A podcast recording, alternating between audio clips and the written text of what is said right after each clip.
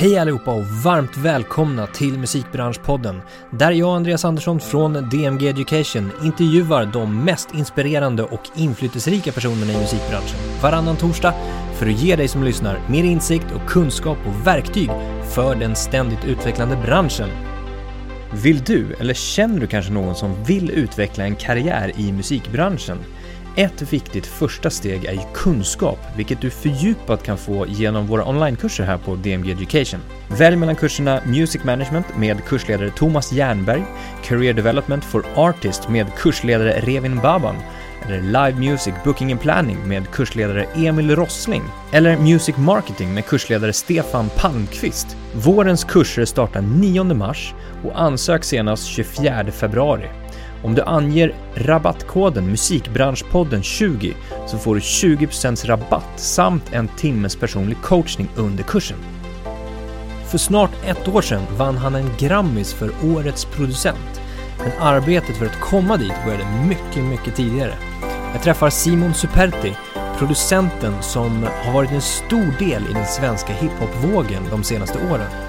Vi pratar om Simons väg från att ha skrivit musik på egen hand under många, många år till att nu ha blivit en etablerad och erkänd musikproducent. Vi pratar även om vikten av att ta sin kreativitet seriöst. Bilden av musikbranschen både innan han tog sig in och till nu när han jobbar med flertalet bolag och bland annat är signad till ett majorbolag. Häng med i ett grymt samtal. Simon Superti, varmt välkommen till Musikbranschpodden. Tackar, tackar. Hur är läget? Det är fan fett. Skitkul att ha dig här. Hur är det själv? Det är jättebra. Ja, nice. Jag har en eh, ganska hektisk vecka men det, det är bra. Det är, Ja, men det är musikbranschen, brukar vara ganska... precis, man får vara på tå. Ja, men det Eh. Det känns skönt. Du, ehm, det ska bli skitkul att snacka lite. Vi ska Yes. prata musik, vi ska prata produktion, vi ska prata producentskap, vi ska prata vad du gör, vad du har gjort. Yes. Ehm, och det har ju faktiskt gått snart ett år sedan Mm. du vann en Grammis Ja, för bästa producent. Ja, helt sjukt. Det är ju grymt. Ja, hur, det... hur liksom, hur har första året varit, eller första året? Vi kommer komma in på det där också, Ja, vadå första Men året? första året efter Efter Grammis. Grammisen, ja. Ehm, det har varit jävligt, det har varit jävligt nice måste jag säga. Alltså det har, det, jag började sätta mig i det nu, eller för ett, ett, några månader sedan egentligen. Började sätta sig i att jag eh, först och främst på papper, om man vill kalla det så, att jag made it lite så. Mm, Att för att vinna en Grammis som producent är ändå, i Sverige är det ändå en stämpel på att fan du klarade, du lyckades. Ehm, men också allt som kommer med det, både plus och minus. Men um, de plussen att det kommer ju helt nya jobb. ehm, nya människor som vill jobba med, liksom, man, man kommer på fler människors radar. mm, Men eh, främst för mig själv hur jag, eh, hur jag, må, hur jag inte kan, jag kan inte tveka på mig själv längre, vilket är positivt. mm. Ehm, Har det varit så förut? Att du har liksom såhär, vad är, är jag bra nog liksom inom citationstecken? ja, eller? det är inte mera om jag är bra nog, eh, mera typ kommer det ske? Okej, ja. Ehm, jag menar jag, ehm, vi kommer nog in på det också men jag har på med musik sedan 2002, 2003 någonstans där och, och då rappade jag också bara och det, jag, började, jag hade inte börjat producera men, men det var ju ändå hela det här musik, komma in i branschen grejen. Mm, Jag har gjort musik hur länge som helst men att komma in i branschen det var det som var svårt för mig. Eh, för jag visste inte vad jag skulle ta vägen eller hur jag skulle gå tillväga. Jag är från Uppsala och i svensk hiphop som, det, som jag bara höll på med då, hiphop, eh, så fanns det ju inte så mycket till bransch. Det fanns några få outlets. Eh, och målet var ju alltid att komma utomlands egentligen då, eller Mm. liksom det här, det, du vet, Madison Square Garden, ja, men lite så. Men, men, men nu känner man ändå efter en sån grej att Ja men jag har ändå kommit in ordentligt och ändå kommit till en ja, relativt jättehög nivå inom, i Sverige. liksom. mm, ja så, verkligen. så, att, eh, så att det har nog utvecklat mig både på ett personligt plan och, och, och, och också hur jag går tillväga eh, när jag jobbar. Mm, Så att, eh, och sen har jag också lärt mig att ehm, tänka lite mer långsiktigt. Nu när jag kom, när jag satt ju där i dagar och nätter och i, i sträck liksom för att bara komma in och skapa massa musik och liksom tänka på hur Och jobbade väl trippla pass egentligen eh, Nu har jag börjat förstå att ja, men shit, jag kommer kunna göra det här i 10 år till och 20 år till och 30 Det beror egentligen upp på mig nu Mm. Eh, att jag liksom fortsätter bara mer än att jag ska få den där chansen för att komma in på något, på något sätt. Och eh, det har gjort hur jag tänk, ställer om lite hur jag har jobbat innan för att, för att kunna levla, och jobba, effektivisera mitt arbete och sådana saker har jag tänkt Mm. på och jobbat med mycket i år. Är det liksom den bekräftelsen av eh, det du ändå har gjort nu som har Mm. faktiskt slagit och du har ju producerat väldigt mycket Ja, eh, alltså, av det som är ja, men, topp 100 idag eller topp 50 idag Ja. i Sverige. ja. Ehm, är det det som känns som att säga, ah, men fan nu har det släppt, nu, alltså, nu får jag den här bekräftelsen på att jag kan. ja, alltså Grammisen var det. Ja, Att bekräftelsen på att jag kan och att jag faktiskt vet vad jag snackar om och håller på med. Ja. Och, och varje gång man står där och rantar, som jag kallar det, mitt i natten för folk säger det här ska vi göra och det kommer gå si och så. Folk gäspar lite kanske. Eller, Mm. eller man själv bara säger det för att liksom manifestera det men kanske försöker st- liksom, skicka undan de här negativa tankarna som alltid kommer någon gång. Liksom så här, men tänk om eller whatever, alla Mm, de mm. grejerna. Så att, att nu, eh, nu kan jag inte, jag, jag har tänkt så här förr, jag, jag, jag har kört på förr och det har lyckats förr. Så att, så att nu kan jag inte, jag kan inte sitta och eh, jag, jag, eh, jag tvekar inte på mig själv alls. Alltså på min kapacitet. nej. Men Eh, hur, hur motiverade du dig innan det här då? Innan du liksom fick den här äh, känslan av att säga, men fan nu, nu, är, nu kör jag, nu kan jag. Om, om, du, om du går tillbaka så här, ja, fem år kanske. Eh, hur motiverade du dig att fortsätta? Det var köra eller dö lite så. Okej. Och det är fortfarande så. För alltså, det låter krasst kanske, det låter, ehm, men, men förutom min familj egentligen så hade, så hade det var liksom det här, att göra det här nu eller ingenting. Mm. Jag hade ingen plan B eller C. Ehm, och jag har offrat ganska mycket innan och, eh, och haft massa planer som gått i stupet långt innan under de här 15, 16, 17 åren som jag faktiskt har försökt. Eller inte så många år men för, fram tills att jag slog, alltså tills att det slog men men, men eh, sen nu var det verkligen så att sadla om till producent och, och liksom på något sätt eh, Alltså jag har aldrig släppt artistdrömmen eller karriären eller något sånt alls. Och tvärtom, när jag blev producent så fick jag också en artist eh, deal, en chans att vara artist med det.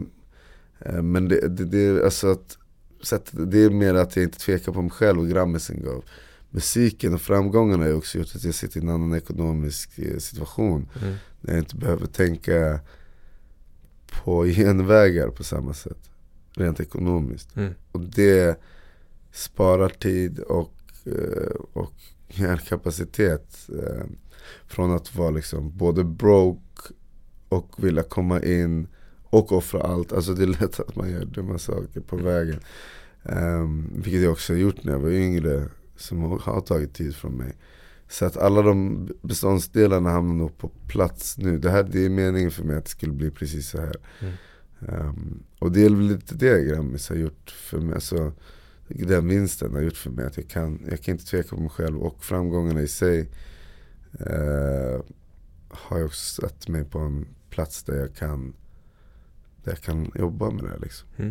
Grymt. Det har ju hänt mycket under året också. Ja, Det har ju, du har ju släppt otroligt mycket musik, du har varit med på mycket, eh, mycket produktioner. Eh, Ehm, du blivit signad till ett förlag också, ja, Sony ATV. ja, ja. Eh, och sen innan så var du signad till Amuse. ja eller, jag är fortfarande det som artist. Ja men precis, men, Eh, men det var ju innan ja, själva. Grammis-grejen, eller hur? Ja och sen har vi släppt också lite en del med Sony via, via GMG som, där vi har släppt Pusher med Daniel Mm. Så att vi har jobbat lite med dem med Men ja exakt och Men vad har hänt under året? Om du, om du bara sammanfattar lite grann så här, vad har du gjort för någonting? Vad, vad har du hänt släppt? Vad har du varit med på? musikal, alltså vi, det har varit mycket Pusher eh, förra året Vill du förklara bara Pusher, för den som Pusher, inte... Pusher är två skivor, eh, en del av en trilogi Så vi jobbar på tredje skivan nu tillsammans med Daniel eh, som också är från Uppsala. Och det är så vi känner varandra, vi gick samma gymnasium. Och eh, innan 2017, 2018 då gjorde jag jättemycket ja, men, svensk hiphop, gangster, hiphop, gangsterrap skulle man kunna säga det. Utan att ta något ifrån vad det faktiskt är, det är svensk gangsterrap. Och, och det, det, det, var, det var fett och är fett, jag gör det fortfarande. Eh, sen eh, började, formade vi ett samarbete, jag och Daniel, vi har, eh, vi har känt varandra sedan gymnasiet. Och vi började djupdyka i massa olika konstiga genrer och blanda och eh, genreöverskridande musik liksom, så här, fast ändå inom hiphop. Det blev en skiva som gjordes jävligt snabbt och på det så kom det en till skiva för att vi kände att vi kör på för att det kändes bra. Och med den andra skivan så kom ju faktiskt en, en av mina största låtar och en av Dannys största låtar också som heter Fame, Lay Lay Lay. Och eh, den, den gjorde så jag kunde ta semester i somras exempelvis. Mm. Alltså så, med rent, alltså inte bara att den gick bra utan att med en sån stor låt mitt i sommaren Så igen då måste jag tillägga eh, Gjorde så att jag kunde ta lite tid av och det, det hade jag inte gjort 2018 men det gjorde bra för mig mm. Sen släppte jag Sen släppte jag eh, en, en låt själv också precis innan årets slut eh, Som heter Capo Consiglieri Capitano eh, Som artist då, via Muse eh, Som är, eh, ja det är mer en statement-låt Men alltså typ det är det senaste jag gjort. Sen har jag ju proddat till massa människor. Så jag har verkligen försökt dyka, djupdyka in i, i nya sätt att prodda och nya artister. Och bygga en sån grej hela året. Så att jag har gjort jävligt mycket musik. Jag har inte mm. släppt lika mycket som 2018 men eh, det har inte behövts. Riktigt. Grymt. Det kanske, vi kommer in på det också så här lite grann hur skillnaden är mellan att släppa independent och sen eh, Alltså utan skivbolag mm. eller någon ja. i ryggen och sen komma in och göra det med en, en stor plan kanske och ja. hur det funkar. Men Um, du sa ju det så här, du kom in, du har gjort väldigt mycket och det är viktigt att poängtera. Mm. Det är så många där ute som, som ser det här kortsiktiga, att säga, ja men fan, nu vann du en Grammis, du kom från ingenstans och bara pang.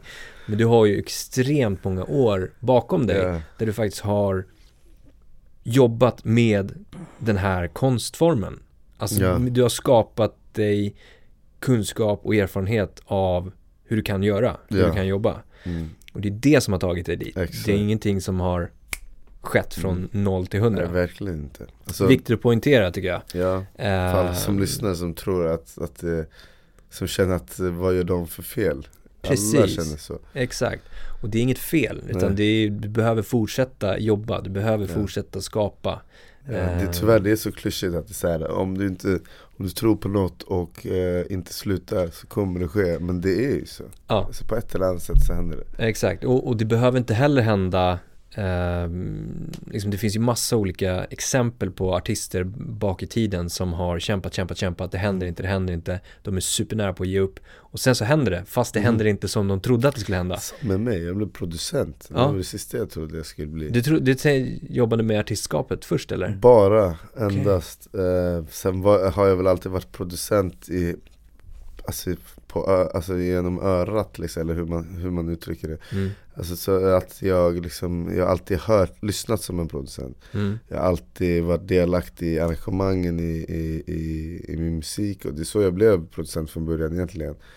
Att jag började arra låtar, alltså få stäms av andra producenter. Eh, och började arra mina egna låtar. Och Sen när jag väl blev producent så, så var det det jag tyckte var kul att arra. Mm. Eh, men det har jag bara gjort i fyra år mm. ungefär. Tre. Vad skulle du säga var liksom skillnaden då? Att kalla dig, att gå från att liksom vara artist, skriva egen musik till att kalla dig själv för producent? Det, det måste vara för att jag, eh, jag började ju Jag började med en slump egentligen. Jag hade mm. gjort lite beats för att det var, var kul och Eh, för att jag fick ett jobb där jag sa att jag kunde och, och sen var det dags att visa det så jag var tvungen att lära mig lite. Men, men sen började jag också jobba med en artist som heter Adel som jag hade känt sen, sen, sen innan musik egentligen. ja, eh, innan musik för honom eh, främst. Men, men allmänt. Och, och då var det just det var ju sätta sig i en annan sits lite så. Um, och det, vilket var lite skönt att, att få vara lite bakom kulisserna men ändå skapa, skapa musiken. Och samtidigt som jag utvecklades som, som producent alltså ska, och musik, musiker så, så kom jag in och alltså fick jobba objektivt med ett projekt och en artist och låtar. Um, så som jag hade gjort med mig själv men utan den där grejen att det är en själv. Så att, mm. man, så att man måste ställa sig utifrån. Och uh, det gjorde så att jag um, började lära mig branschen lite också. Allt från hur det fungerar, alltså insidan. Mm. Uh, och också hur man säljer musik i branschen. Känner du att det har varit någonting som har liksom varit ja. positivt för dig? Att du har kunnat Absolut. det? Absolut, och det lärde jag mig också. Det lärde jag mig när jag kom in där. Vi sa ju det, Paco som jobbar här, mm. som anledningen kom hit, är han som tipsade om Muse långt innan de släppte. Men så kom jag in där och då satt jag med eh, grundarna där. Eh, Andreas och Diego och så vidare. Och lä, fick liksom lära mig allting. Hur lägger man upp det här? Och fick jobba med proffs. Eh, och märkte att mina idéer också funkar. Eh, så hur bygger man ett projekt? Och från, från, från musiken upp till att man får, får the, look för det och liksom allt sitter ju ihop eh, på hur det ser ut, hur det känns, hur det låter, när det släpps, hur det släpps vad man, liksom vad man förknippar det med, alla sådana saker. Och jag har alltid tänkt så. Um, eftersom jag alltid behövt tänka på hur jag själv vill göra. Mm. Så satt jag då med proffs som, som gjorde det här. Men också lite i samma båt som mig. De gjorde en ny satsning, mm. de chansade, satsade allt. Eh, och, och, och, massa olika från olika poster och platser i branschen. Började och satt i ett garage liksom och gjorde det. Och eh, det utvecklade mig till det jag känner att jag är nu. Vilket är, det är därför jag är med i musikbranschpodden tror jag ens. Eller ens söker mig till det för att jag tycker att det är en av de grejerna som jag har varit duktig på också. Att jobba i den här branschen, få ihop folk, sälja in musik så att det här är det som funkar. Och få, få folk att fatta det på olika plan och sen få igenom de här projekten. Mm. Och det har jag gjort ett antal gånger nu så att jag känner att jag har gjort Jag släppt mycket skivor med folk och varit med i många människors skivprocess, skivsläpp och, mm. och efterarbete. Sen oftast när, eh, när, det, när det regnar guld och alla, alla då, då, då, då har jag gått vidare oftast till, till någon ny idé. Um, men det har ju gett dig erfarenhet, det har ja, gett dig ja, kunskap ja. om liksom hur det funkar Ja exakt och det, det, är, väl, det är väl det som gjorde det mm. men du, eh, jag tänker så här, hur eh, stämde bilden överens med musikbranschen som du hade innan du liksom började jobba med den aktivt? Ja, ja bra fråga. Ja och nej. Um, man hade ju en bild av det om man ju kollat på USA när man växte upp liksom sådär mm. och tänkt så här kommer det vara. Och det är ju exakt så. Alltså på gott och ont. Det är ju exakt så. Fast värre. det är alla klyschor, så, alla hiphop-låtar och alla, alla klyschor man har hört om musikbranschen, det är ju verkligen så. Um, det är ju soft också, det är ju kul, alltså det är ju för mig typ världens roligaste jobb. Mm. Och som musiker, eh, i, alltså allt som har med allt att göra, jag gillar alla delar av det. Mm, mm. Men, eh, men det är ju också lika fucked up som, förlåt uttrycket, som de eh, som, som, som det beskrivs. Mm. Det är ju det också. Baksidan av det här är ju, är ju rå och man måste vara på sin vakt och man måste vara hård och tuff och På vilket sätt menar du? Eller varför? Jag menar du sitter i förhandling nästan hela tiden. Alltså, den här rollen jag har, då måste, då måste man liksom, man måste stå på sig som producent framförallt. Jag menar producenter, alltså det är konstigt, de skiftar ju deras position i, i i, i världen i olika branscher, alltså i olika delar av musikbranschen. Men, men i Sverige har ju producenten inte tagit så mycket plats i hip det jag gör i alla fall, det är hiphop. Alltså självklart producent och låtskrivare utöver det har jag gjort det. Men, men i hiphop har, de, har det varit artisten som styr mm. mest. Mm. Eh, så att ha plats och faktiskt tjäna pengar och, och få in pengar. Och så, alltså liksom sådana saker har, har man ju behövt eh, lära sig på något sätt. Och, och, och då måste man vara principfast och ha rätten på sin sida. Och det är mycket diskussioner, mycket om och men. Och mycket folk som inte vet vad de snackar om. Och eh, Många gånger då man själv eh, undrar hur man ska gå tillväga och måste lära sig det. Och om snabba beslut. Och det, det, är mycket, det är mycket, mycket att hålla koll på. Mm.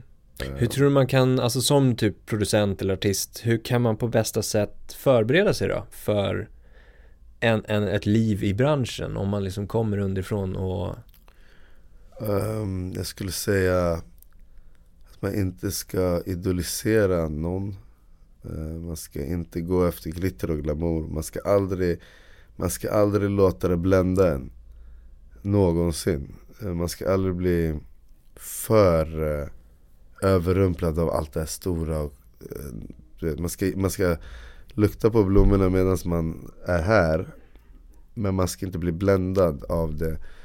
Um, av flera anledningar. Så ett är att om man har fått det och sen kanske, för att det, ingen är på topp alltid. Och, och, och, man känner då att man är på topp och sen kanske nästa månad man känner att det inte är lika. Och att man då skulle bli deppig eller typ börja crava det istället för vad man faktiskt gör. Men också, det är många som tappar bort sig själva rent personligt, rent som människor i det här. Mm. Eh, och med pengar ändras mycket, eh, folk främst. Eh, relationer ändras. Eh, folk, eh, må, många nära skulle säga, entitlement, vad heter det på svenska? Eh, att folk känner, det, det, är mycket sånt som kommer med, med allt det här. Mm. och det klyschiga uttrycket is lonely at the top. Ehm, det tror jag alla känner ju högre upp man kommer. Och det här är bara början. Jag kan inte ens tänka mig hur det är att sitta på toppen i exempelvis en brand, eller marknad som amerikanska marknaden. Eller, eh, eller tänka mig kan jag. Men det blir nog bara lika, lika fett som de eh, bra grejerna. Lika hårt blir nog de andra grejerna. Mm. Men eh, jag menar, och, och sen också ta, du vet, att man måste lägga lite tid på sig själv. Man måste må bra mm. för att prestera bra. Man måste eh, vara balanserad och ha huvudet på skaft och is i magen. Och sådana saker som gör så att man mår bra. Man ska leva livet också. Eh, för att kunna jobba. Mm. Eh, speciellt i en sån här bransch. Så det, det är väl det jag skulle säga. Du nämnde amerikanska marknaden. Är det någonting du skulle vilja, eller någonting du strävar mot? Absolut. Det är så? Uh, inte bara amerikanska marknaden, det är självklart det är ett mål. Jag är ju inte ens varit i USA, eller ett engelskspråkigt land egentligen från början. Men i år med allt som har hänt mig så kommer jag börja göra de utflykterna liksom ut och köra 2017 igen fast på en ny nivå som jag kallar det. Att jag skakar händer, jobbar, gör massa låtar och kommer in där. Men om det, om det är USA, om det är England, om det är Sydamerika, om det är Europa, alltså det spelar ingen roll. Eh, jag ska överallt har jag tänkt. Mm. Eh, men självklart USA, det, det, det music business. Eh, alltså liksom, det finns inget ställe som är mer music business än USA kan jag tänka mig. Så att, och allt, alltså allt flyter ju på ett eller annat sätt igenom i USA. Var den är. Mm. Eh, så att absolut ska jag göra det. Och eh, ja, jag är väldigt motiverad på att ta det steget. Grymt. Du sa det, något som jag tycker är viktigt är det här, du sa det väldigt bra att du tog ett steg tillbaka och jag ska göra som 2017 igen. Mm. Um, och inte ta för givet att nu har du slagit i Sverige, mm. du har liksom fått en bekräftelse vid en Grammis till exempel och liksom är ändå med på topplistelåtar och sånt. Um, men att inte ta för givet att det ska vara att du har samma nivå i ett mm. annan marknad. Ja. Eh, utan att du behöver faktiskt, precis som du gjorde, kolla tillbaka och se att okej okay, hur gjorde jag för att ta mig hit jag är idag i den här marknaden, i det här landet mm. och göra precis likadant där. där. Det är ju skitbra. Alltså den mentaliteten tror jag många saknar. Mm. Och att man då tar för givet att säga, fan, jag ska vara på den här nivån i det här landet eller i den här marknaden. Du behöver mm. jobba mer. Exakt. Skitbra.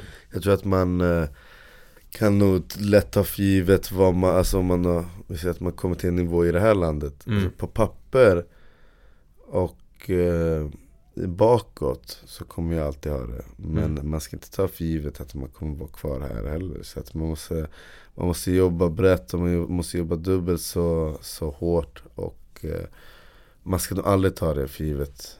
Någonsin. Alltså det, kan, man kan, det kan gå över en natt upp och ner och upp igen. Så, Mm.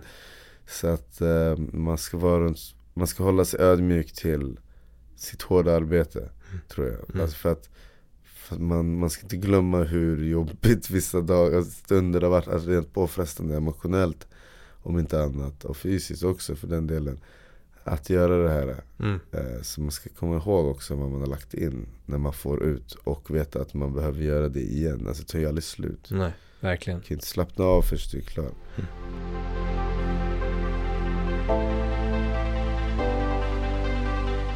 Om vi ska dyka in lite mer i musiken Yes. Eh, och lite grann hur du tänker i ditt arbete med musiken. Yes. Och alltså till exempel då, eh, går det att förklara hur du, hur det går till när du producerar? Ja, det, jo, det är ju det är abstrakt och ganska varierande självklart. Men eh, hur producerar jag? Alltså jag, brukar, jag, jag, brukar, jag brukar vilja lära känna folk när jag Mm. gör musik. Och med dem jag gör musik vill jag lära känna. Jag kan inte bara sätta mig eller klart det går en tekniskt men jag har aldrig, jag har aldrig jag har aldrig tjänat några pengar så egentligen. Eh, för, att, för att de bra låtarna kommer från att man har någon form av kommunikation och, och eh, koppling till varandra i, i musiken, i studion, i livet. Liksom. Det kommer, en bra låt kommer från en bra konversation skulle jag säga.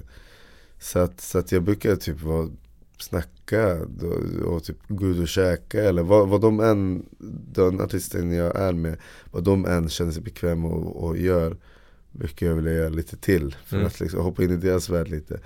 Och eh, från ett, en, ett snack till en middag till en, till en konversation till en insikt och sen när man väl hamnar i studion då behöver man inte snacka om vad man ska göra låt. Då kommer det naturligt. Mm. Och det är väl det jag som producent brukar lägga mig i roll gentemot ja, men låtskrivare men artister som är låtskrivare. Eh, att sätta dem i ett, i ett läge rent mentalt och där de eh, får utlopp för det, där det redigeras av sig själv. Ibland kan jag fråga frågor som jag, har, som jag ställer av en anledning för att få dem till en viss plats, att kanske öppna de, den sidan av sin tankebana utan att de märker det. Eh, och det är väl att vara pedagogisk mera. Att, eh, Exakt. och för att det ska flytta på annat än att nu ska vi skapa en låt och den ska handla om det här. Och, Mm. det, och, det. och jag tror inte, det, alltså det är klart man kan göra så men jag tror att det tappar lite sin gnista och det är egentligen gnistan som gör så att musik verkligen står ut Mm. Mm. i allt det här. Eh, Så det är väl det, jag gör 99% av vad jag gör från scratch på plats. Och på grund av den anledningen, att, att det ska bli organiskt. Mm. Så det är ju att skapa liksom en, en miljö för både dig och artisten i fråga som ska kunna vara kreativ. Ja, exakt. Så det är mycket, det är mycket förarbete egentligen. Ja, kan man säga. mycket socialt och pedagogiskt förarbete men också att liksom nästan skapa en livsstil runt Mm. vårt projekt. Eh, Om vi tar Dani och Pusher som exempel så så som vi har gjort, vi, har, vi, vi kan prata tre timmar innan och gå och käka mat och leva och gå ut och festa och sen hamna i studion, liksom så göra massa olika saker eh, för att vi vet att vi behöver hamna i den här eh, den här, på den här platsen mentalt. För Mm. att, och det är något vi har utvecklat under alltså skapandets gång. Eh, vi har åkt på inspirationsresor för vi vet att nu, nu som kreativ människa så kanske jag har fått, fått utlopp för alla uttryck jag tagit in så nu behöver jag nya intryck. Eh, så självklart är det kul att åka och resa. Men vi åker och reser och har kul för att vi vet att det kommer skapa musik. Mm. Det är en annan sak när vi alltså medvetet vet att vi måste leva.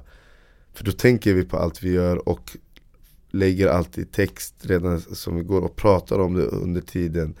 Jag, har skrivit, eh, jag tror en del av Lady Lay skrevs på ett plan till Barca Mm. eller, eller till Barca. Du vet, så, och vi tänker på det. Och eh, medans vi lever. Så man ger sig själv frihet att leva. Man ger sig själv också disciplin i det. Att man har med sig musiken i bakhuvudet och vet varför vi är här. Och just nu skapar vi ett, pro ett projekt eller en platta eller och så vidare. Och eh, det är ett sätt jag tror jag alltid kommer hålla mig till mer eller mindre. Att, Mm.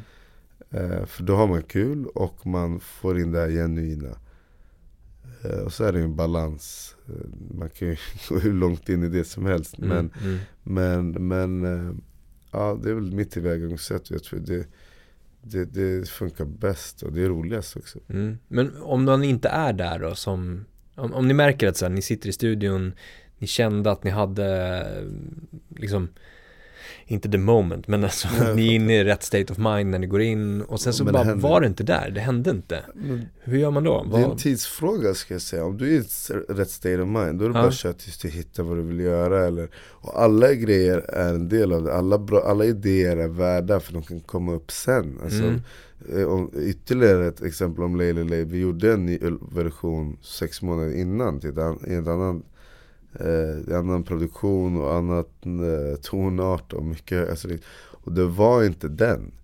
Eh, men vi hade det i bakhuvudet så när vi hörde, skapade det vi gjorde då kom den fram. För Mm. vi båda kom ihåg den och bara det här borde vi göra. Och så Mm. gjorde vi det igen.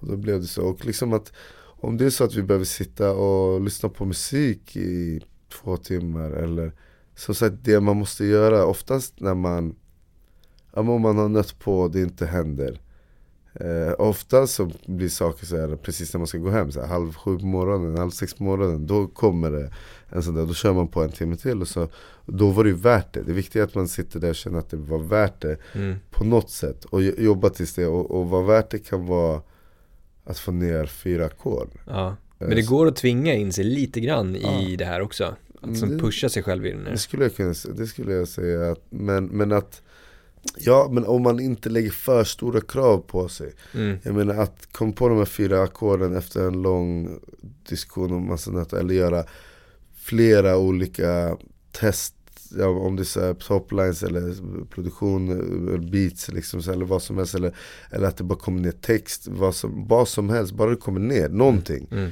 Sen om det blir något konkret färdigt, det är en annan sak och det är inte alltid man gör det men, men, eh, men man ska sträva efter i alla fall få ut någonting på papper eller på inspelat, liksom någonting som kommer ut ur det. Mm. Eh, för att dagen efter kanske, kanske det är då det klaffar och så händer det. Exakt.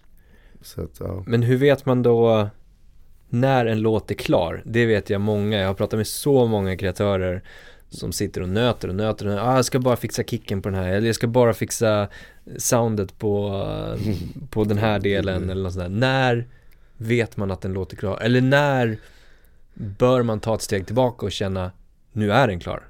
Ja alltså När det låter bra, så du vet när man, när man har fått ner allting, det flyter på, man stör sig inte på någonting Men man också, man kan alltid göra en ny låt Det är Mm. så jag tänker, för jag var också sådär i he- hela mitt liv liksom, lite så att det, måste, det första jag släpper ska bli det och det ska vara mix och sound och där Och så sen Sen så, så mina, mina största låtar är mixat själv och masterat hemma liksom Mm. eh, i mitt vardagsrum. Och, och, och låtar som vi bara slänger ihop på en session och sen skickar ut med en snabb mix egentligen har, har hamnat på topplistorna och spelas på radio. Liksom. Eh, då, med den insikten då kan inte jag sitta och lura mig själv att det har med alla de här andra sakerna att göra. Självklart ska man sträva efter det och utveckla ett sätt att antingen kunna göra det själv eller ha folk som hjälper dig med vad det nu än är. Om det så är mix eh, exempelvis. Mm. Eh, helst gör.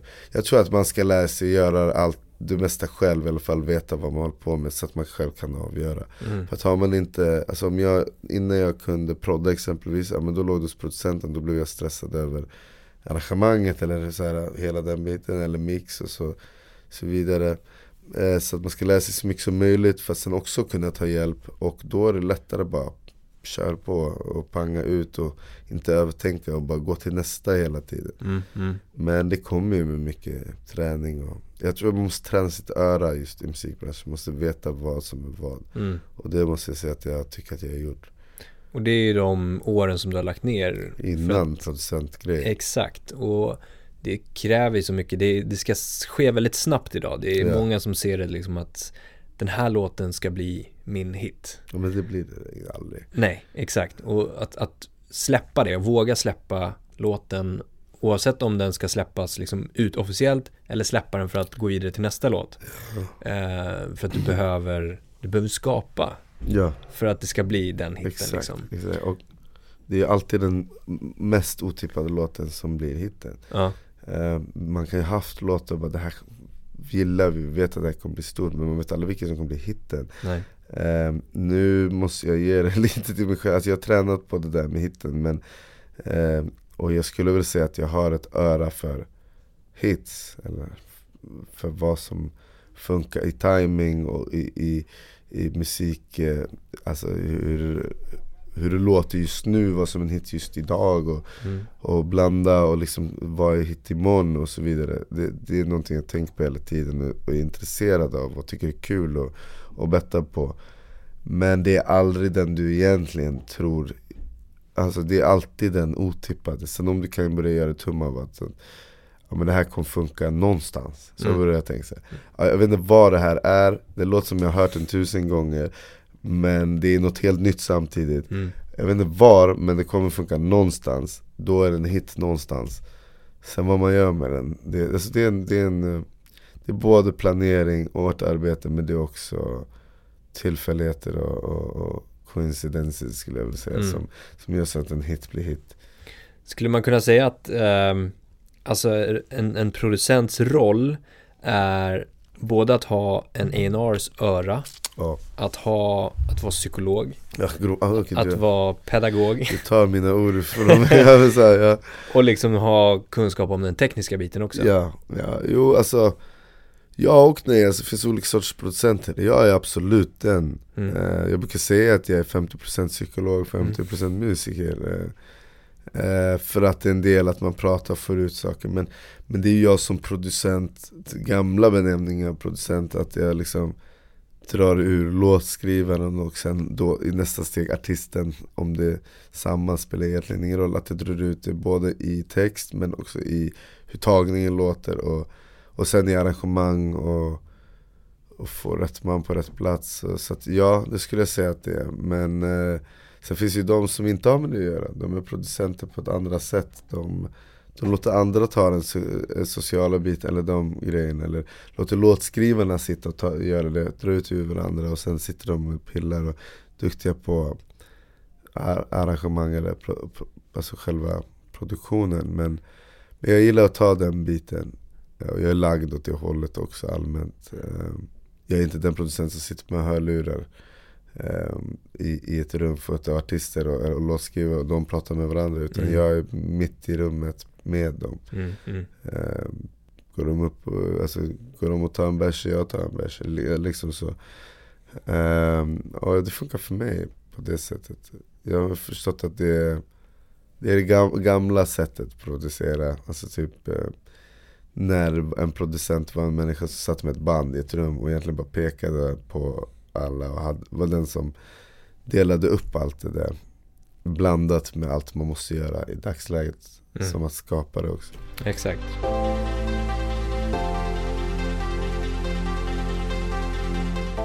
Du nämnde Amuse som sagt. Yes. Att du kom i kontakt med Amuse via Paco som jobbar på DMG. Ja. Ehm, vad var det som lockade med det? Vad var det som du tyckte var så här, hmm, fan det här är ändå intressant. Det är någonting nytt.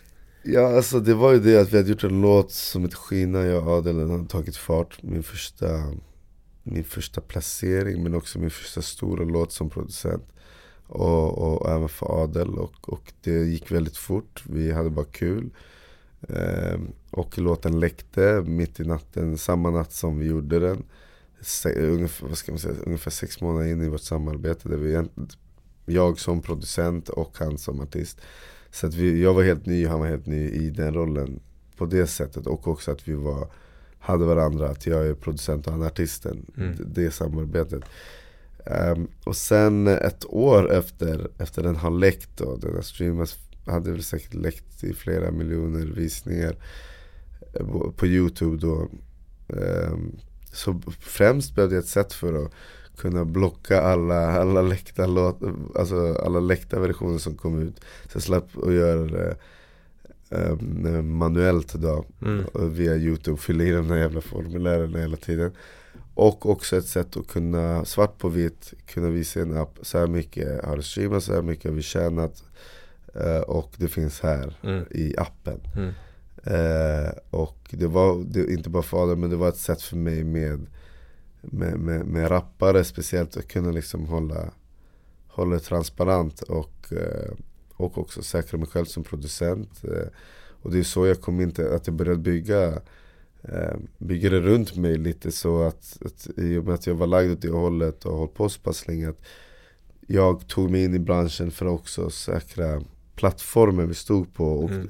i, på det sättet säkra mig själv och min, eh, min, eh, min roll i det här. Men även artisten då. Och eh, ja, men det var så jag kom igång med dem för det funkade perfekt att det var i en app. Och det var enkelt. Och då hade jag hört av Paco långt innan när de jobbade mot Afrika då. Innan de hade lanserat och eh, vi skulle ha möten men typ så här, det, det, det blev aldrig av. Och också det var att de lanserade mot Afrika som gjorde så att det funkade egentligen inte ihop med vad jag, eller vad vi gjorde då. Um, och, och sen har jag fått höra Paco i efterhand att de sökte sig, de ville ha hiphop liksom. Och det funkar perfekt med hiphop. Jag, sa, jag skämtade med Andreas och Diego tidigt och sa att ah, det här kommer bli Sveriges största, eh, först, eller största hiphop-label och det är det ju fan idag. Mm. Man kan ju inte säga det, alltså den mesta delen av hiphop är genom en Muse. Och om det då är independent eller att de har signat eh, på sig projekt eller låtar så, så är det ju Sveriges största hiphop-label. Det är snack varenda hiphop-rappare släpper via Muse. Tills de kanske får en deal av någon av de majors. Eller Muse i sin del. Men eh, så, att, så det är så vi kom in eh, och, och när vi släppte den så, så såg det väl säkert bra ut eh, statistiskt för att det var så de bara hade kollat i början.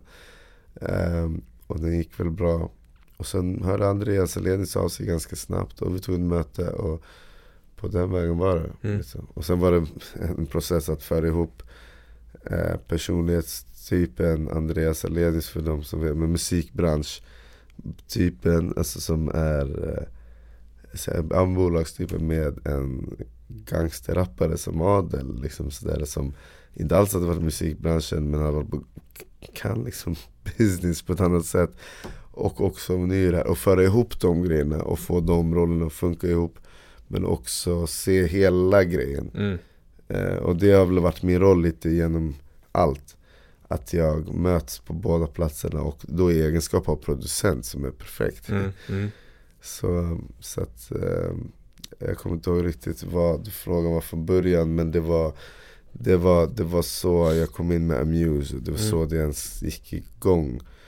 Eh, Men kopplat till eh, just hiphop då och svenska hiphopbranschen. Va- varför tror du den har blivit så pass stor nu bara de senaste åren? Vad är det som har gjort att det har slagit och blivit så populärt? Hiphop är världens största genre nu. Eh, så det var en tidsfråga när det skulle bli även i Sverige. Men eh, jag menar, det, det, det är populärmusiken hos, ung, alltså, ungdom, hos ungdomarna. Mm. Eh, och hiphop i sig kan sk- skifta så mycket. Därför tror jag det kommer vara svårt att det ska... Alltså jag menar hiphop är så mycket mer än rap. Det, det finns så, flera hundra subkulturer nu. Och allt räknas in i samma kategori. Så det är inte så svårt att liksom lägga ihop alla de. För det är både pop, rock, R&B så alltså det är massa saker inne i det. Jag brukar gilla att kalla det, det jag gör för fusion. Att man egentligen blandar massa genrer. Vilket hiphop är från början. Så, att, så det var en tidsfråga. Men att sen nu i Sverige att det har blivit eh, för riktigt så här rå förortsbaserad hiphop. Och det är det, det det kommer ifrån egentligen. Och det som slår mycket utomlands också. Men det är också för att det måste ju finnas en röst för det. Och det finns hur mycket ungdomar som helst som som liksom relaterar till bara det och ser bara det. Och eh, det vi gjorde tidigt, eh, det, alltså det är det Spotify också så insett. Det de gjorde tidigt var att bjuda in oss allihopa mm. Eh, 2017, 2018 för att de också märkte att de hade alla andelar förutom förorterna som fortfarande var kvar på Youtube. Och, och liksom läckte låtar och, och liksom lyssnade på Youtube om och om igen. Och det vi gjorde tillsammans med dem var ju det att också eh, att eh, ja, men kampanja egentligen för att vi skulle bli större på Spotify. Eh, men också för, för alltså idén var ju då att om fler av hiphop-fansen lys börjar lyssna på Spotify, då får vi större siffror på Spotify. Och det har ju verkligen hänt. Och det är så jag ens började med, när jag fattade, okej okay, efter Skina att ja men Amuse, den här appen funkar. Så, så, så började jag kolla runt på alla de här äh, andra rapparna. Jag menar Adel hade gjort de låtarna han hade gjort. Han hade just kommit ut från ett fängelsestraff och de låtarna vi började göra det var hans typ första låtar förutom de han spelade in i fängelset. Men, men, men så såg jag ju runt mig och allas låtar läckte fort som fan. Fick fett mycket siffror uh, bara på youtube då. Och då tänkte jag så här, men fan det finns ju mycket lyssningar som helst. Och jag brukade skämta med vissa rappare, typ såhär, vad fan era läckare är ju mer pengar på det här än er. Det är lite så, bara för att få dem att liksom bli lite irriterade och fatta att ah, okay, vi kanske det måste finns göra. någonting här. finns liksom. någonting här. Ja. Och det är så jag också tänkte, hmm, producent. Jag, och jag tänkte, de, de hade eh, baxade beats, liksom, de hade tagit gamla instrumentaler från gamla hiphop-låtar eller, eller, eller eh, nedladdade free beats och sådana saker som de inte kan tjäna pengar på och så spelas de i miljoner av sitt eget, eh, sitt eget folk, sina egna områden. Och vad hade hänt om man då gjorde pengar på det? Hittade en struktur, en modul egentligen, en modell som gör så att, så att man får in pengarna. Och det var hela min plan när jag började gå vidare in i det här, alltså började producera fler än Adel då. Mm. Hur samlar man ihop det här? Och det fanns ingen producent, det fanns några stycken då från deras områden som var producenter. Och de hade ju fått igenom det, men det var fortfarande mycket Youtube. Det var inte Spotify och det var inte skivbolag som var planen. Och det är väl där, det är därför jag också känner att jag kan sitta i musikbranschpodden. För det är väl den snilleblixten jag kände att, eh, att tillsammans med andra, men att jag då var i mitten och jag förde ihop mm. de här världarna ihop. För att jag såg att det fanns ju en efterfrågan. Det fanns ju redan massa siffror som inte plockades upp. Det handlade bara om att lägga dem i en, i en, i en, i en stream så att säga. No pun intended. Men alltså liksom lägga det i, i, i en riktning. Och på ett sätt där vi kunde plocka upp de här siffrorna och göra dem till faktiska pengar. Att de mm. pengarna faktiskt gick till musikskaparna och inte till folk som satt och läckte deras låtar. Exakt. Och det tycker jag att vi lyckades med. Och det måste jag säga att vi gjorde vi fick den chansen, jag och Adel med Amuse. Och tillsammans vi, alltså Amuse tillsammans med mig och Adel skapade. Eh, och eh, utan, utan att det låter som att jag tar cred för, för, för någonting annat än att det skapade en, en, en öppning och ett sätt där man kunde göra. Och eh, Adel är väldigt framstående i sin, eh, i, i, i, där han kommer ifrån. Eh, så att han, han öppnade dörren för många, jag gjorde detsamma. Och förklarade att så här funkar det och vi fick kontrakt. Och innan folk fick kontrakt, och vårt första kontrakt för den kom från ingenstans på en, på en label utan att snacka siffror nu. Det var då inte något som folk fick. Nej. Eh, nu har det ändrats mycket sen dess och, och, och även för oss. Men, men, men det öppnade dörren och sparkade liksom in dörren. Och jag skulle kunna säga att eh, det var en del av den här nya hiphopvågen vi nu har sett i de här senaste åren. Mm. Att den på ett sätt startade där rent branschmässigt. Sen fanns ju massa artister som satt och kokade och bubblade och gjorde sin grej hemma. Och som jag hade turen och också örat och ögat för att hamna i situationer med dem som också skulle kunna hoppa in i den svängen som vi var i innan.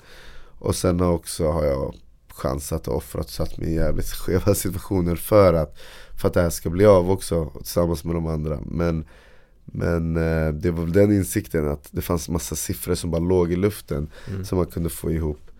Eh, och det såg jag Muse, det såg jag eh, och det såg Spotify också. Och, eh ja, och nu är det ju svensk hiphop absolut störst. Mm. Eh, och därav att få Grammis eh, för mig, man vann liksom över folk som Ludvig Göransson och massa andra som har varit med längre än mig. Och gör på, st på stor nivå. Det, det, jag tror att så, jag har inte fått det förklarat för mig men jag kan nästan se det som att jag fick Grammis för mitt arbete även 2017 liksom, eh, och, och, hur jag hade fått ihop det hela. Det, det, det, tror jag att jag har fått. Sen att det är bra låtar och, och att de har gått väldigt bra. Det är också en del men jag tror att det är så jag gillar att se det i alla fall. Att, att jag fick min Grammis för det. Mm. För, eh, att, jag, att jag vann min Grammis för det. Exakt. Det var för mycket. Eh, och för groundbreaking på något sätt. Inte, eller inte groundbreaking, men att det hände igen. Att det faktiskt skapades en våg och en, en hel plattform blev av det här. Och eh, nu, det, det hade kunnat varit vi, det hade kunnat varit någon annan. Nu råkar det vara vi i läget med Muse. Eh, men man ser det nu, nu finns det ju, nu är det en helt annan sak.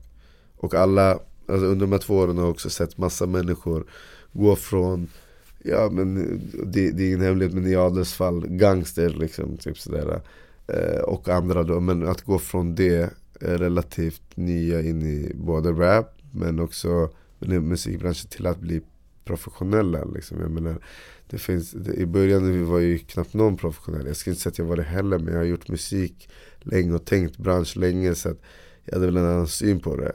Nu är det många som Ja men nu har de flesta ett AB och fakturer och liksom ja, Folk får spelningar och det är ganska mycket pengar och Man kan sätta sig ner lite och, och liksom planera och kanske skala av alla dumma andra sätt man får inkomst på och så vidare Och det är jävligt skönt och det, det är, är ju en uh, utveckling av där vi började mm. Så att säga mm. Känns det som en bra utveckling? Känns det liksom positivt för dig ja. att uh, att, att bli professionell i den bemärkelsen. Ja, jag strävar alltid efter att bli mer proffs. Mm. Det, finns det någon risk med att man lämnar, eh, lämnar liksom det musikaliska rotade uttrycket hos sig själv? Jag tror och, det... liksom när man blir professionell i den bemärkelsen och kanske signar med majorbolag eller så. Alltså, jag tror att ett pro, riktigt proffs skulle veta vad, vad hans styrkor är. Och eftersom ett en styrka i att skapa bra musik och göra det man just har gjort. Um, så om man, man hade nog inte varit professionell om man inte fattade vad man behöver göra. Och uh, shit, uh, som producent men som musiker måste man vara lite galen ibland. Uh, och att vara proffs är att kunna göra det kontro inom kontrollerade former och veta varför man gör det. Liksom. Mm.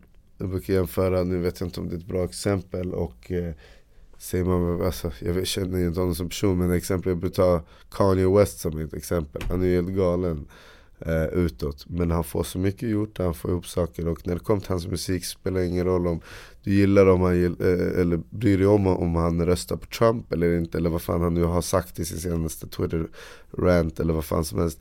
Det spelar egentligen ingen roll när han släpper musik. Eh, för att han har ett sätt att få fram den eh, Eh, och ett exempel med honom är att han sitter, när han gör en skiva så tar han ut folk till sin ranch eh, och lyssnar på sam samplingar i tre dagar. Mm. Om han känner för det. Och snackar säkert massa skit. Och sen kanske måste göra sin Sunday service grej, alltså gospelprojekt på det. Men han kommer alltid ha hits. Mm. För att han är knäpp och vet hur han gör det. Sen, sen har jag väl honom som exempel, nu som sagt har jag inte värsta kollen på vad han faktiskt alltså så här, vem han är. Så. Men att, att man måste vara jävligt knäpp men man också, måste också må bra. Så det är en så här hårfin skillnad till det. Men att man, eh, man ska inte tappa de grejerna som gjorde varför man lyckades komma in från början. Eh, eller varför man var, gjorde en bra från början överhuvudtaget. Exakt. Och det är ju att vara allt det galna man är också. Mm.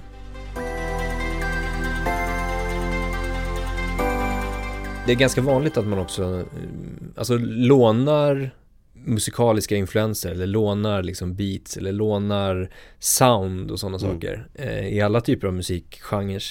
Men vad, ser du något så här trendmässigt inom just svensk hiphop just nu då? Som så här Eh, soundmässigt eller beatmässigt eller någonting som Alltså, rent genremässigt så kan man ju se att overall så, gill, så går det ju trender. Ett tag är det afrobeat, ett tag är det drill, ett tag är det liksom så subkulturer från olika delar av världen som kommer igenom. Och Sverige har ju lyssnat, lyssnat ju på massa musik och man märker att folk är influerade eh, generellt. Typ nu för tiden är väl Burna Boy, varenda artist i Sveriges nummer ett mer eller mindre någonstans på en viss plan. Eh, om det inte, om inte det så är det väl någon av eh, drill UK-rapparna eller någon gangsterrappare i USA. Liksom så här, så att, men men eh, det finns några, några få, typ jag och några till som också har lyckats skapa våra egna sound i svensk hiphop. Eh, så, att, så att det soundet blir också en, en grej. Mm. Eh, så att folk går till de, de producenterna som har ett sound och det blir svensk hiphop och det kommer utvecklas. Men Ja det är klart, men det är så överallt. Så jag menar folk ut, äh, blir inspirerade. Äh, vad, jag, vad jag söker efter oftast, jag, när, när alla gör drill exempelvis, då vill inte jag göra drill. När alla gör afrobeat, vill inte jag afrobeat. Om jag då gör afrobeat, då blir det en variant av det i alla fall. Mm, mm. Äh, och, och, jag tror att de som håller sig länge och de som står ute, de som tänker så. Att de, man, man ska göra någonting som folk vill höra och som känns helt rätt nu men också någonting som är som de, något de aldrig har hört. Mm.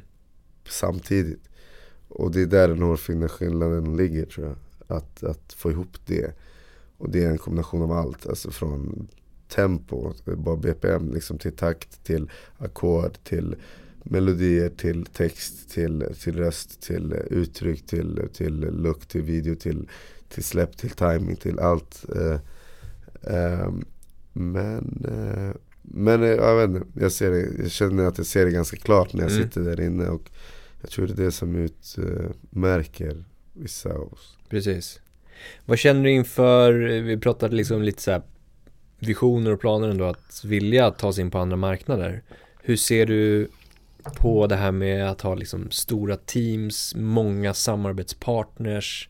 Eh, det kan ju vara så att det växer ganska mm. som rejält. Det kan vara management, bokning, mm. eh, produktion, större team i, i, i studios, mm. eh, label, publishing. Hur, vad känner du inför det framöver, liksom stora team? Eh, ja men det är målet. Jag tänker redan så nu. Eh, alltså jag kommer ju sitta en dag med fullt med producenter och låtskrivare och även artister som, som jag då har signat på mig till slut. För att jag är en bra spelfördelare. Och det finns alltid någon som är Alltså jag är bra på många grejer tillsammans men det finns alltid någon som är världens bästa gitarrist eller världens bästa på just det här soundet eller så. Så att eh, till slut så kommer jag ha ett jättestort team. Men jag tror att eh, jag tror på också att samarbeta, vad jag gör nu allmänt, jag jobbar och kollar på de som gör sin grej ändå. Till slut så brukar jag jämföra med att vi, vi alla kommer ha varsin byggnad med, med fullt med folk i.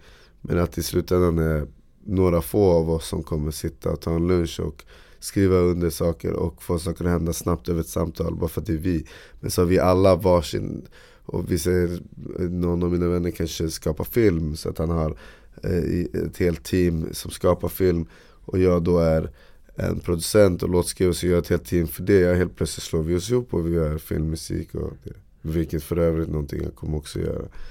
Men, men jag tror att det är en, det är blandning. Ibland behöver man ha mycket folk för att få ihop saker. Ibland måste man dra tillbaka, tillbaka sig själv.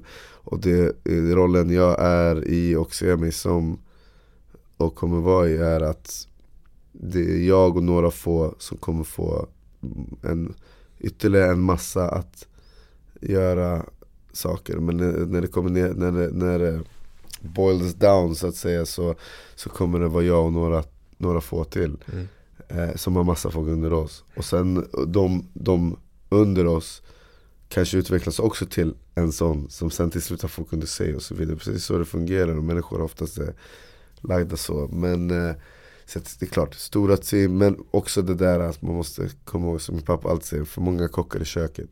Ibland kan tio kockar inte vara för många kockar, ibland kan tre kockar vara för många. Exakt. Och man måste veta när det är mm. läge för de olika sakerna. Och vara en spelfördelare, det är väl det jag skulle säga. Att jag skulle kunna sätta igång ett helt team i arbete men ibland måste jag kanske bara sätta mig själv i ett rum och jobba själv. Mm, mm. Och veta när du ska göra det eller delegera. Exakt, mm. exakt. Du, jag tror jag läste någonstans att uh, du sa att man uh, behöver ta sin kreativitet seriöst. Ja. Vill du utveckla lite vad du menar? Det är, en, det är en del av det jag sa med att man måste få vara lite galen. Mm.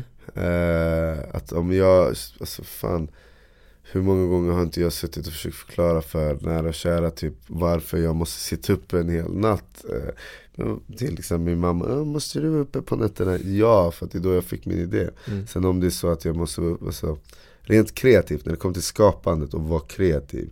Då måste man förstå att det här är inte någonting som eh, det, det, det flyter, det är energi, det kommer, det går, det är ingenting du kan kontrollera. Du kan lära dig och kanalisera det och kanske och liksom få ner det. Men det är en del av det, det är en process. Eh, det finns någon, någon intervju med Max Martin då han säger att han kom, vaknade upp mitt i natten, nynnade Hit me baby one more time och, och sen somnade om.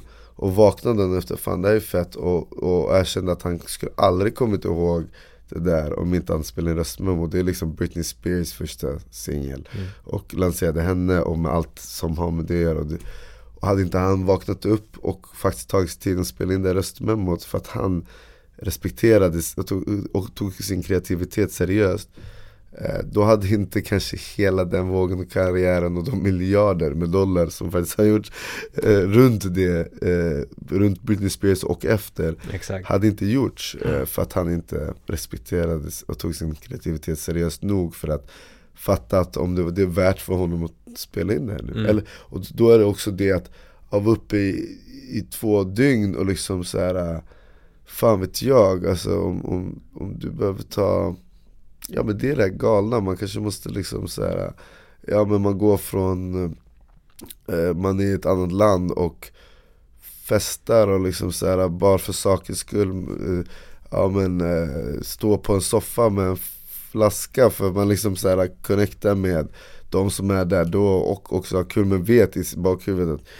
det här kommer hamna i studion för här står den, den, den och den, den, den. Så att nu får vi ihop det här från, studion, eller från klubben till studion och boom, helt plötsligt sitter vi där. Vi har en efterfest som, som det ser ut. Men i bak i mitt huvud och kanske några till vet vi att det här är en del av det så vi skapar musik nu.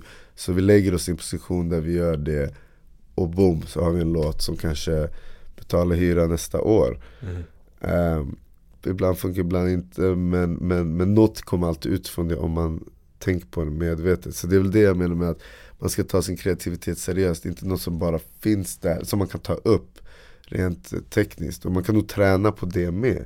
Eh, vilket man gör och blir bättre. Men, men i det stora hela så tror jag att det, det, det är abstrakt och det är energi, det är flyktigt. Man måste ta tag i det när det finns. Mm. Har ett flow, kör. Tills och sen sover vi två dygn. Om det, om det är det som behövs. Eh, och försök må bra på vägen. Exakt.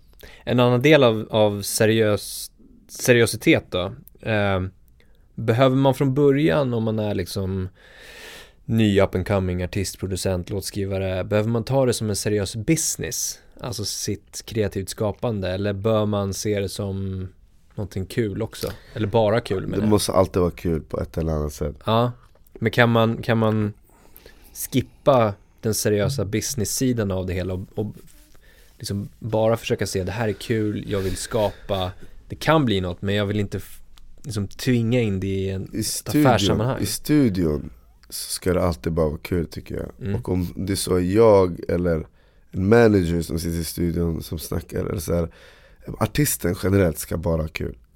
Alltså, och, och de som skapar det. Alltså oftast artisten ska bara ha kul, de ska aldrig tänka business i studion. För det oftast hämmar artisten. Att de behöver tänka på det och det och det.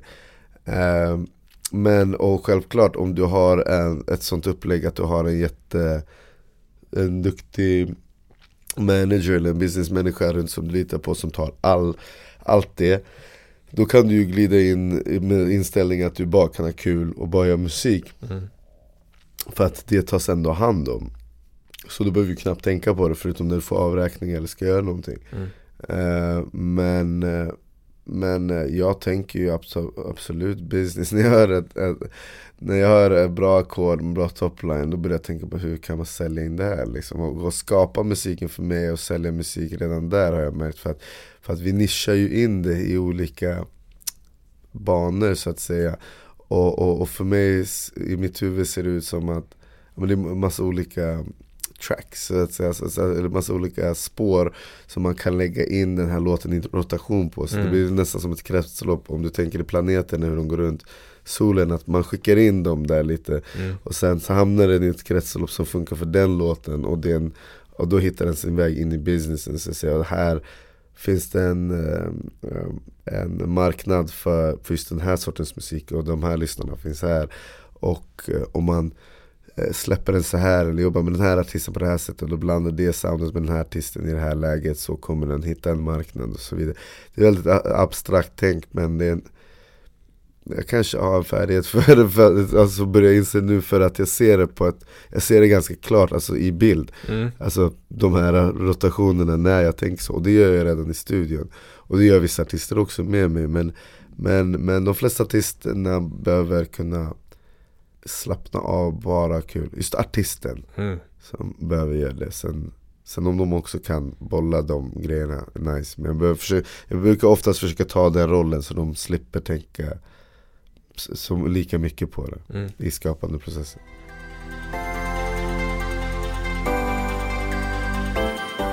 Om vi binder ihop lite grann då. Yes. Ehm, vilka, är, vilka, vilka tips skulle du ge? Vilka är dina bästa tips till unga producenter, artister, låtskrivare?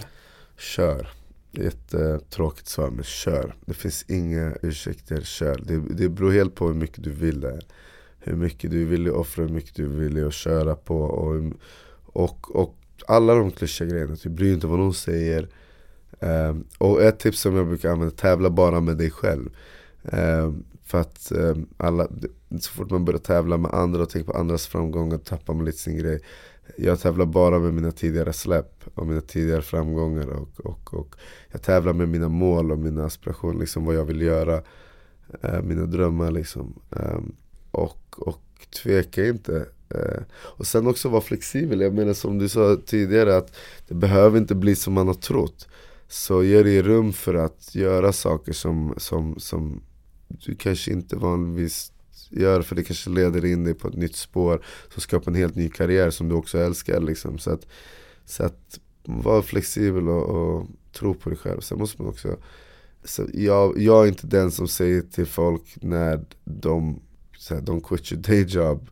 Men också om, om man märker att det här kanske inte är min grej eller det här är inte timing just nu Och det här andra går bra som jag ändå gillar och vill göra inom det här så gör det också, så kanske det andra faller på plats. Jag menar jag har rappat sedan jag var liten och så fick jag ett skivkontrakt från draftlåtar, låtidéer som bara spelades på ett kontor utan en enda stream från ett bolag som liksom var baserat på algoritmer och streams.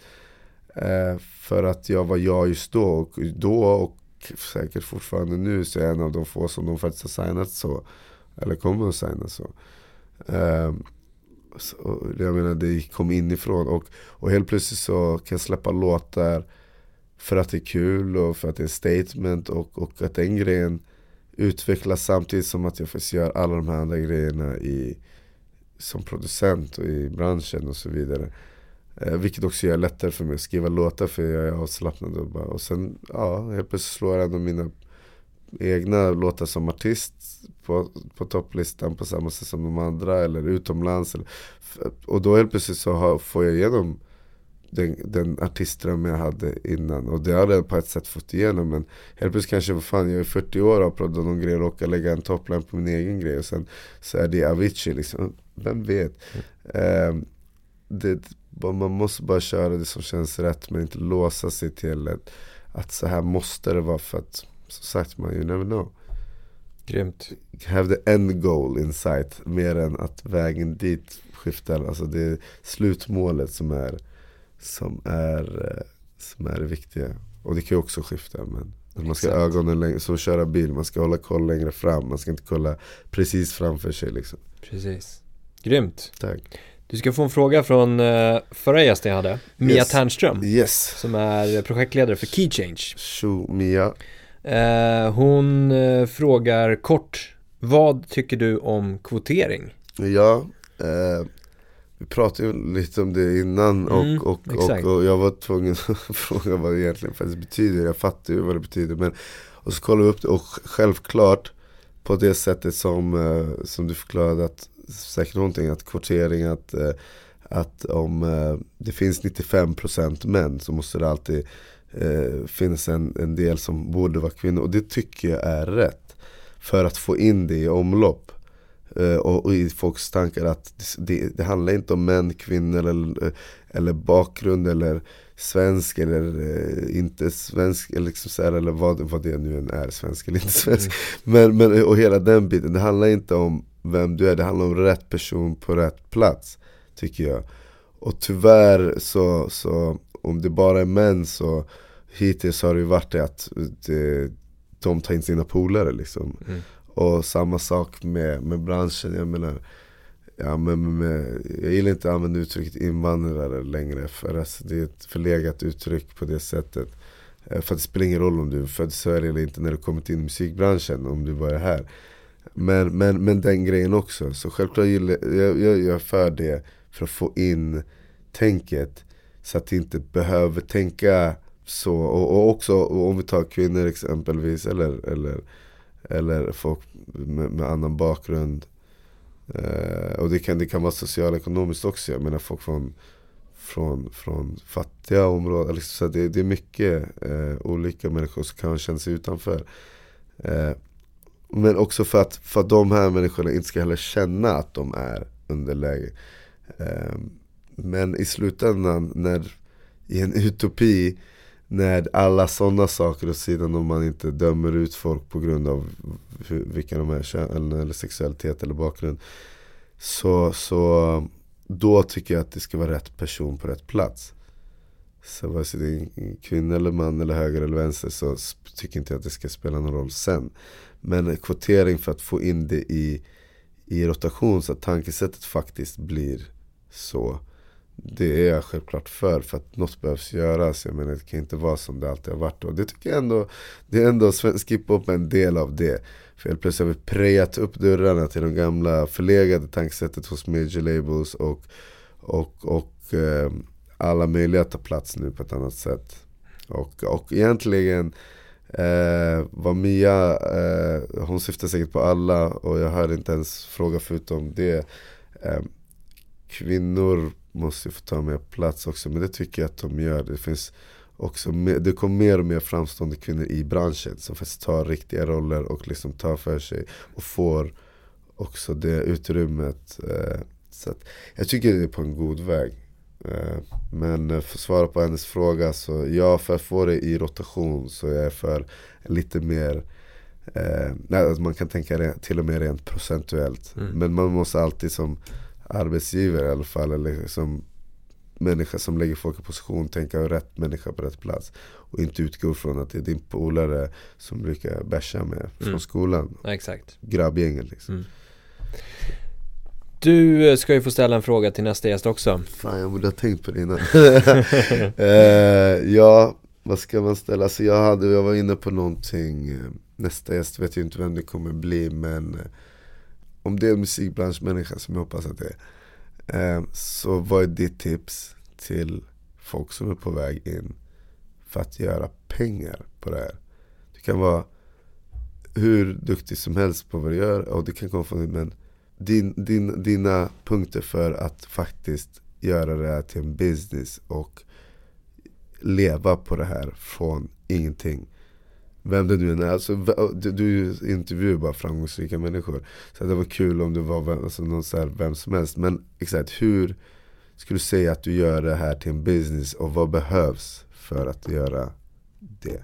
Och samtidigt kunna vara det du är. Exakt. Som kreatör då Som eller? kreat- nej, det, ja, det, kan vara en, det kan vara en förläggares Mm. idé av hur en, hur, hur, vadå? För att hur fan blir du förläggare? Liksom? Ja. Eller Ja. hur blir Bra. du hur, VD för en major label? Alltså det är samma sak i sin, eller producent, det kan vara vad som helst Men hur gjorde du det här till ett jobb? Mm. Från att det var en abstrakt grej folk sa till dig hur, Självklart det kan vara en utbildning men det kan också Hur gjorde du till ett jobb? Mm. För efter en utbildning måste du göra något av det ändå Eh, Så det, det skulle jag vilja höra Det vill jag höra av alla Eller hur? Det skulle vara skitinspirerande Ja, ja, bara, Alla. alltså, eller hur gjorde du, det här till ditt jobb? Ja, Ja, hur, hur gjorde du det här till ditt jobb? Hur Ja. gör man det här till sitt jobb?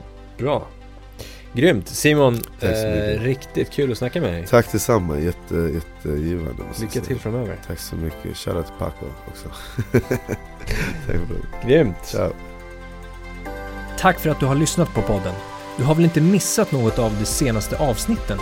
Och kom ihåg att prenumerera på podden för att inte missa viktig kunskap. Vem tycker du ska vara med i podden och vad vill du lära dig ifrån podden?